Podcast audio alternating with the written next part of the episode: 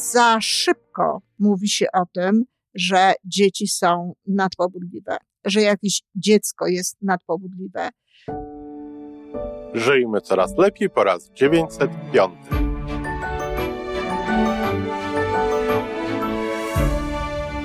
Witamy w miejscu, gdzie wiedza i doświadczenie łączą się z pozytywną energią.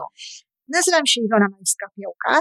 Jestem psychologiem transpersonalnym, wspierającym rozwój osobisty i duchowy. A ja nazywam się Tomek Kniat.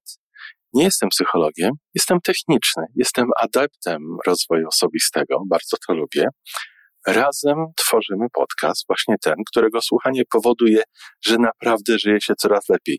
Wiemy to, bo tak nam mówią nasi słuchacze.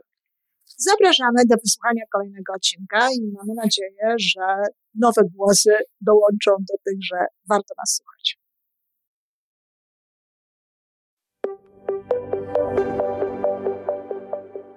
Dzień dobry.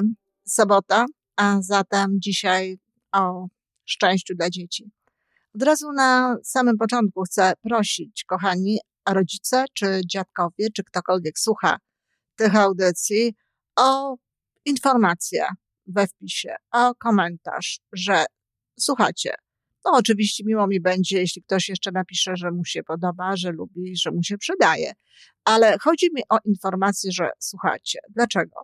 No, no dlatego, że ostatnio bardzo mało, zwłaszcza na YouTube, y, jest y, odsłuchań tego mm, sobotniego podcastu i przyznaję, że zastanawiam się nad tym, czy warto jest to robić, no bo jeśli słucha 40 czy 50 osób takiego podcastu, to pytanie, czy, czy po prostu warto. Oczywiście słuchają też w innych, e, jakby na innych platformach e, różne osoby, więc zakładam, że jest tych osób więcej, ale ciągle, bardzo proszę, dajcie mi taką informację, bo chciałabym naprawdę wiedzieć, jak to jest słuchane. Dzisiaj temat, jak wynika z, nawet z tytułu, e, bardzo ważny, mianowicie chodzi o nadpobudliwość dzieci, czy wysoką pobudliwość dzieci. W ogóle całe to zagadnienie, cały ten problem, czy moje dziecko jest nadpobudliwe, tak to sformułowałam. Otóż uważam, że za szybko mówi się o tym, że dzieci są nadpobudliwe, że jakieś dziecko jest nadpobudliwe. E, sformułowanie nadpobudliwe sugeruje, sugeruje pewnego rodzaju no, brak normy, tak. A sprawa jest taka, że po pierwsze, te normy w tym momencie są zupełnie inne niż przynajmniej powinny być inne niż były 30 lat temu, na przykład, bo są badania, które sugerują, że w tej chwili dzieci w ogóle generalnie są bardziej pobudzone niż ich rówieśnicy, no właśnie 30 lat temu, niż ich rówieśnicy, czyli zatem również 30 lat temu, czyli zatem również często rodzice, którzy mniej więcej pamiętają, jacy byli sami, albo słyszą na przykład od dziadków e, swoich dzieci, czyli od swoich rodziców, jak to wyglądało. Dziadkowie bardzo często właśnie mówią, że te, te dzieci są teraz takie e, pobudzone. I w związku z tym szybko uznaje się właśnie ta, ten stan tych dzieci za coś jakby, nie chcę mówić nienormalnego, ale jak coś, coś wykraczającego e, jakby poza normę. Choć, jak powiedziałam, gdzie jest norma? Jaka jest norma? Jak to powinno wyglądać? Dzieci są różne. Są dzieci, które wymagają więcej bodźców, są bardziej ruchliwe. Są dzieci, które potrzebują tego mniej. Moja starsza córka była dzieckiem bardzo spokojnym. Do głowy mi nie przyszło, żeby mówić o niej, że była, nawet, nie, nawet bym nie powiedziała, że była jakaś nadmiernie ruchliwa.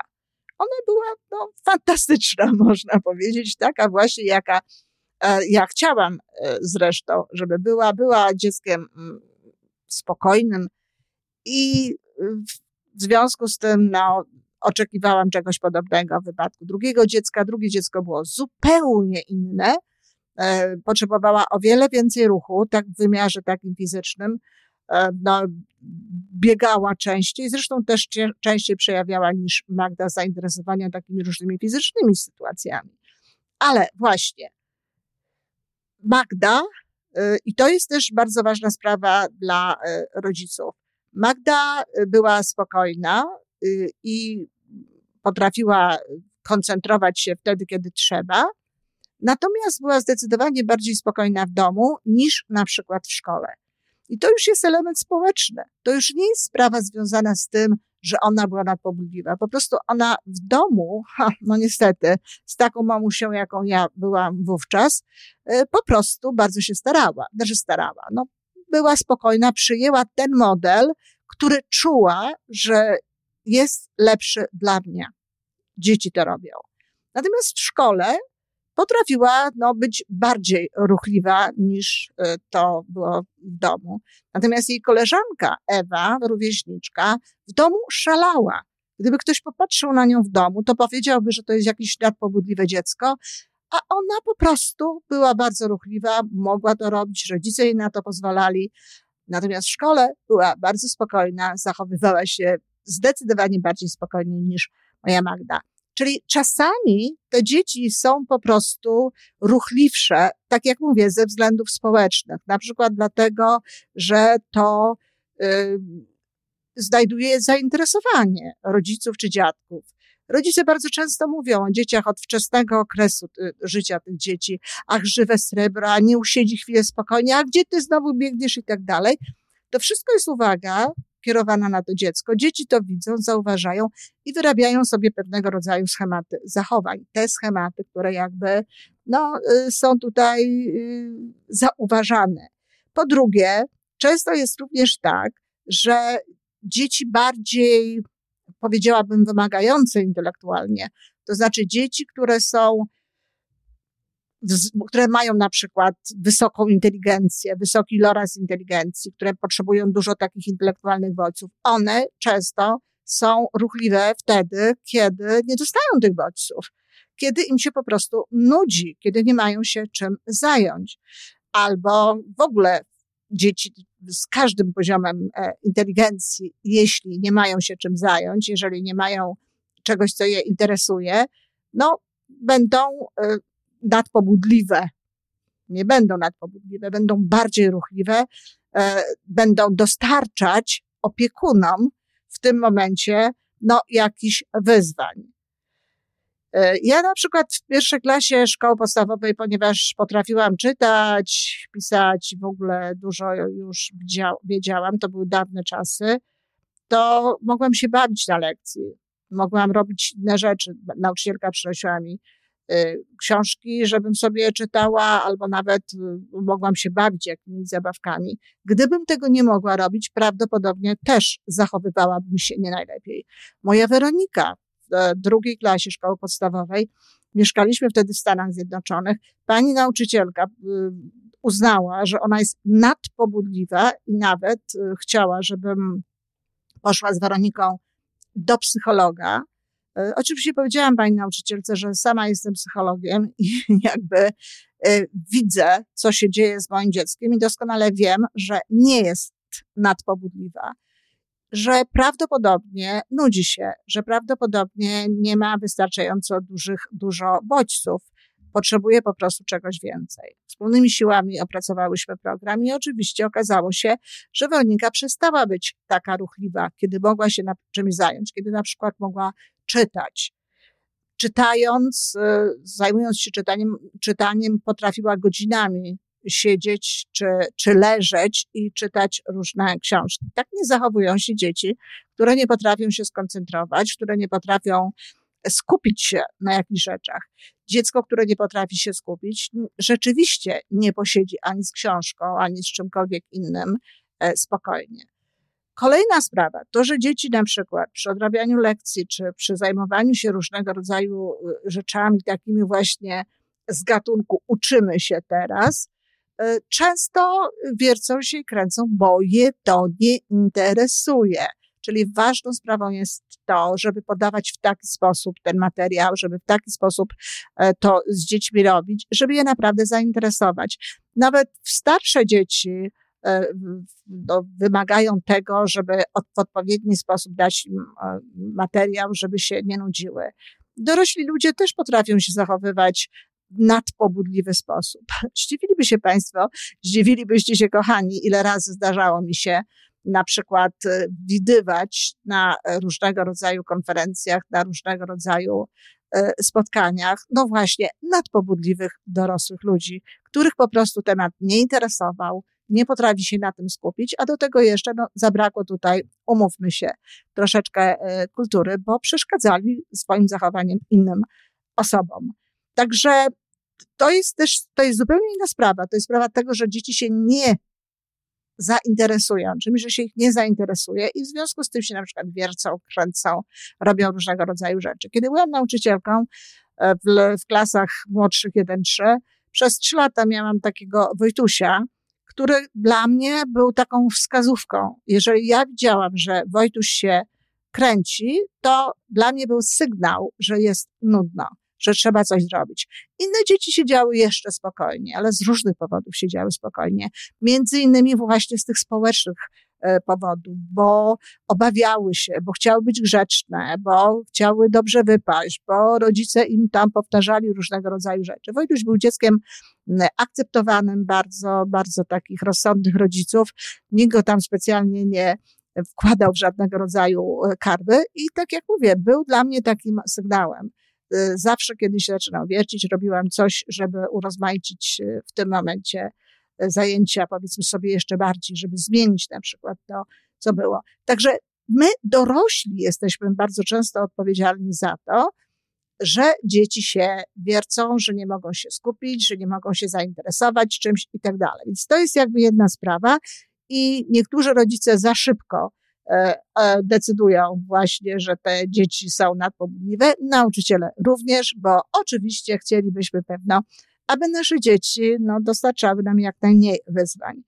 Druga sprawa jest taka, że faktycznie dzieci dzisiaj, tak jak już wspominałam, są badania, które sugerują, e, no, wymagałoby to prawdopodobnie poważniejszych badań, bo to są niektóre badania, ale nawet takim ogólny jakby ogląd tej sytuacji również jest podobny, które wskazują na to, że dzieci są dzisiaj bardziej ruchliwe i że częściej są nadpobudliwe. Może jeszcze nie w stopniu takim, który byłby jakimś zaburzeniem zachowania, ale częściej są właśnie, częściej się zdarza, że nie mogą się skupić, że nie mogą siedzieć, że nie mogą się skoncentrować na różnego rodzaju rzeczach. Dlaczego? No, z, ze sposobu, w jaki dzieci dzisiaj żyją są, po pierwsze, to za dużo, znaczy za dużo, dużo, dużo czasu przed ekranami wszelkiego rodzaju. I proszę zauważyć, że gry komputerowe, ekran skupia uwagę w zupełnie inny sposób. Dzieci się przyzwyczajają do takiego skupiania uwagi, dzieci się przyzwyczajają do akcji, do tego, że się coś dzieje i tak dalej. W związku z tym, kiedy trzeba potem w normalnym życiu funkcjonować, no nie jest im jakby łatwo przejść w to, do taki, w taki, na e, taki poziom zachowania.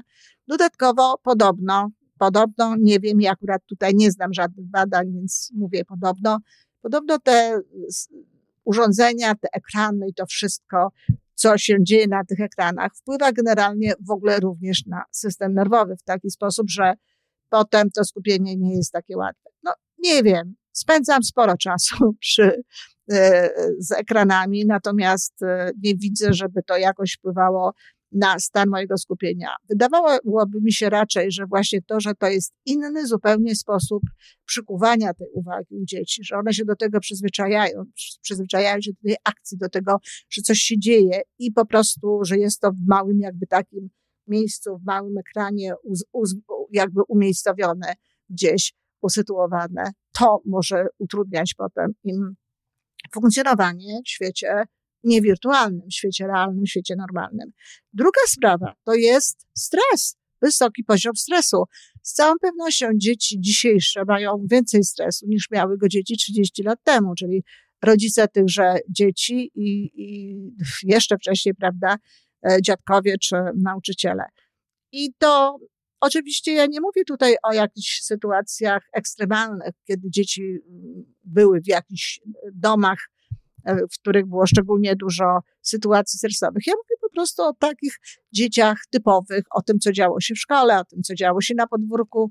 Ach, było podwórko, o tym, co się działo właśnie e, poza lekcjami, o wymaganiach rodziców, o tym, w jaki sposób e, podchodzili do swoich dzieci. Dzieci miały z całą pewnością mniej stresu. Dzieciństwo było bardziej dzieciństwem niż w tej chwili. Teraz jest stres. Stres powoduje między innymi to, że ma się trudności z koncentracją. W podobny sposób reagują często na sytuację y, dystresu dorośli ludzie. Więc to jest kolejna, jak, kolejny jakby powód. I w tym stresie jeden szczególny taki element jest też istotny, pośpiech. Pośpiech, który, który no, fundują dzieciom rodzice. Dzieci chodzą późno spać. Jak ja słyszę, o której chodzą dzieci spać dzisiaj, to po prostu wierzyć mi się w to nie chce, bo pamiętam, jak moje dzieci bardzo długo szły spać e, po dobranocce, a i potem, nawet już w szkole podstawowej, kiedy była Magda, godzina 20 to była godzina, gdzie ona była w łóżku, Weronika tak samo. Natomiast w tej chwili ja słyszę po prostu, y, że dzieci chodzą spać bardzo późno, idą późno spać. Bardzo często muszą rano wstać, dlatego że często gdzieś tam po drodze do pracy, czy w jakiś inny sposób podwozi się dzieci do szkoły, do przedszkola, do żłobka, w różnego rodzaju miejsca, więc te dzieci wcześniej wstają. Rodzice się spieszą, mama się spieszy, ten pośpiech udziela się dziecku. W związku z tym, no, to napięcie jest również w tym dziecku. I ono właśnie między innymi powoduje, że y, potem nie jest się tak łatwo skupić. To, to napięcie zostaje przecież. Jeżeli jest w, w nas, to jeśli się go nie wyładuje, jeśli się go nie wyjmie w jakiś sposób, to ono gdzieś tam jest i właśnie utrudnia potem e, skupienie się na różnego rodzaju rzeczach, które dorośli w tym momencie proponują dzieciom. Co można zrobić? No, na pewno skrócić dzieciom czas przy ekranie. Na pewno y, znajdować czas na to, żeby się wspólnie gdzieś y, bawić, czy robić innego rodzaju rzeczy na, na zewnątrz w ogóle domu, żeby robić różnego rodzaju rzeczy w domu. Gry planszowe bardzo dobrze robią, wspólne czytanie, takie, że każdy czyta po kolei i rozmowy na temat książek, tak żebyśmy mieli świadomość tego, czy dziecko rozumie to, co czyta i, i to zresztą jest też bardzo miły akcent taki do e, kontaktu z tymi dziećmi. Czyli przeniesienie troszeczkę nacisków bardziej na takie właśnie relacje społeczne z tych relacji ze światem wirtualnym. Po drugie, spróbować no, wprowadzić w miarę regularny tryb życia. Jeżeli rodzice uważają, że naprawdę dziecko jest bardzo pobudliwe, no to to jest w ogóle warunek konieczny. Wcześniejsze chodzenie spać, spokojne wstawanie. Zobaczcie, kochani, ile się zmieni w życiu, jeżeli e, wprowadzicie rano spokojniejszą atmosferę do, e, wasze układy z waszymi dziećmi. Ja sporo o tym piszę w wychowaniu do szczęścia, w jaki sposób można zadbać o to, żeby te poranki nie były takie pełne pośpiechu, ale to jest na pewno bardzo ważny element. Spokój generalnie, spokój w domu, spokojna atmosfera, oczywiście radość i tak dalej, ale bez krzyków, bez hałasów, bez kłótni. No, co ja będę mówić, kochani? Doskonale wiecie, o co chodzi. No i proponowałabym również zmniejszyć trochę stres, łagodniejszy stosunek do tego, co się dzieje w szkole, mniej, mniej wymagań, mniej tej takiej presji, e, dzisiaj do, jakby kładzionej na te, na te dzieci, na tę ich naukę, na rywalizację niestety, na ich jakieś nadzwyczajne osiągnięcia. E, to jest też element, który warto byłoby wziąć pod uwagę. Jeśli naprawdę chcemy, aby nasze dzieci były zdrowe emocjonalnie, aby to ich zachowanie no, było zachowaniem zrównoważonym, żebyśmy nie uważali, że są nadpobudliwe, że są bardziej pobudzone niż e, ch chcielibyśmy, czy niż powinny być. No, bo czasami to jest tak, że po prostu mówi się pewne rzeczy, ale jeśli trzeba zrobić jakieś ruchy, jeżeli trzeba coś prowadzić, do tego, żeby dziecko inaczej funkcjonowało, no to już jest troszeczkę gorzej z tym. Niesamowite, że rodzice wolą iść do psychologa, dostać tak zwane orzeczenie, mieć po prostu w pewnym sensie załatwione to, że dziecko może być trochę mniej grzeczne w szkole i tak dalej. Nawet znam rodziców, którzy zupełnie niepotrzebnie dawali dzieciom tabletki, które powodowały, że dzieci były spokojniejsze, choć naprawdę w jednym wypadku na pewno przyczyna leżała w stylu życia, w tym jak, jak to funkcjonowało, y, to życie wokół chłopca, bo to, był, bo to był chłopiec. A zatem, kochani, jeśli naprawdę chcemy, żeby nasze dzieci były spokojniejsze, bezwzględnie trzeba prowadzić te elementy, o których mówiłam. Dziękuję bardzo i raz jeszcze proszę o informacje, czy słuchacie. Do usłyszenia. To wszystko na dzisiaj. Jeżeli podoba Ci się nasza audycja, daj jakiś znak nam i światu. Daj lajka, zrób subskrypcję, napisz komentarz, powiedz o nas innym. Z góry dziękujemy. Razem możemy więcej. Do usłyszenia.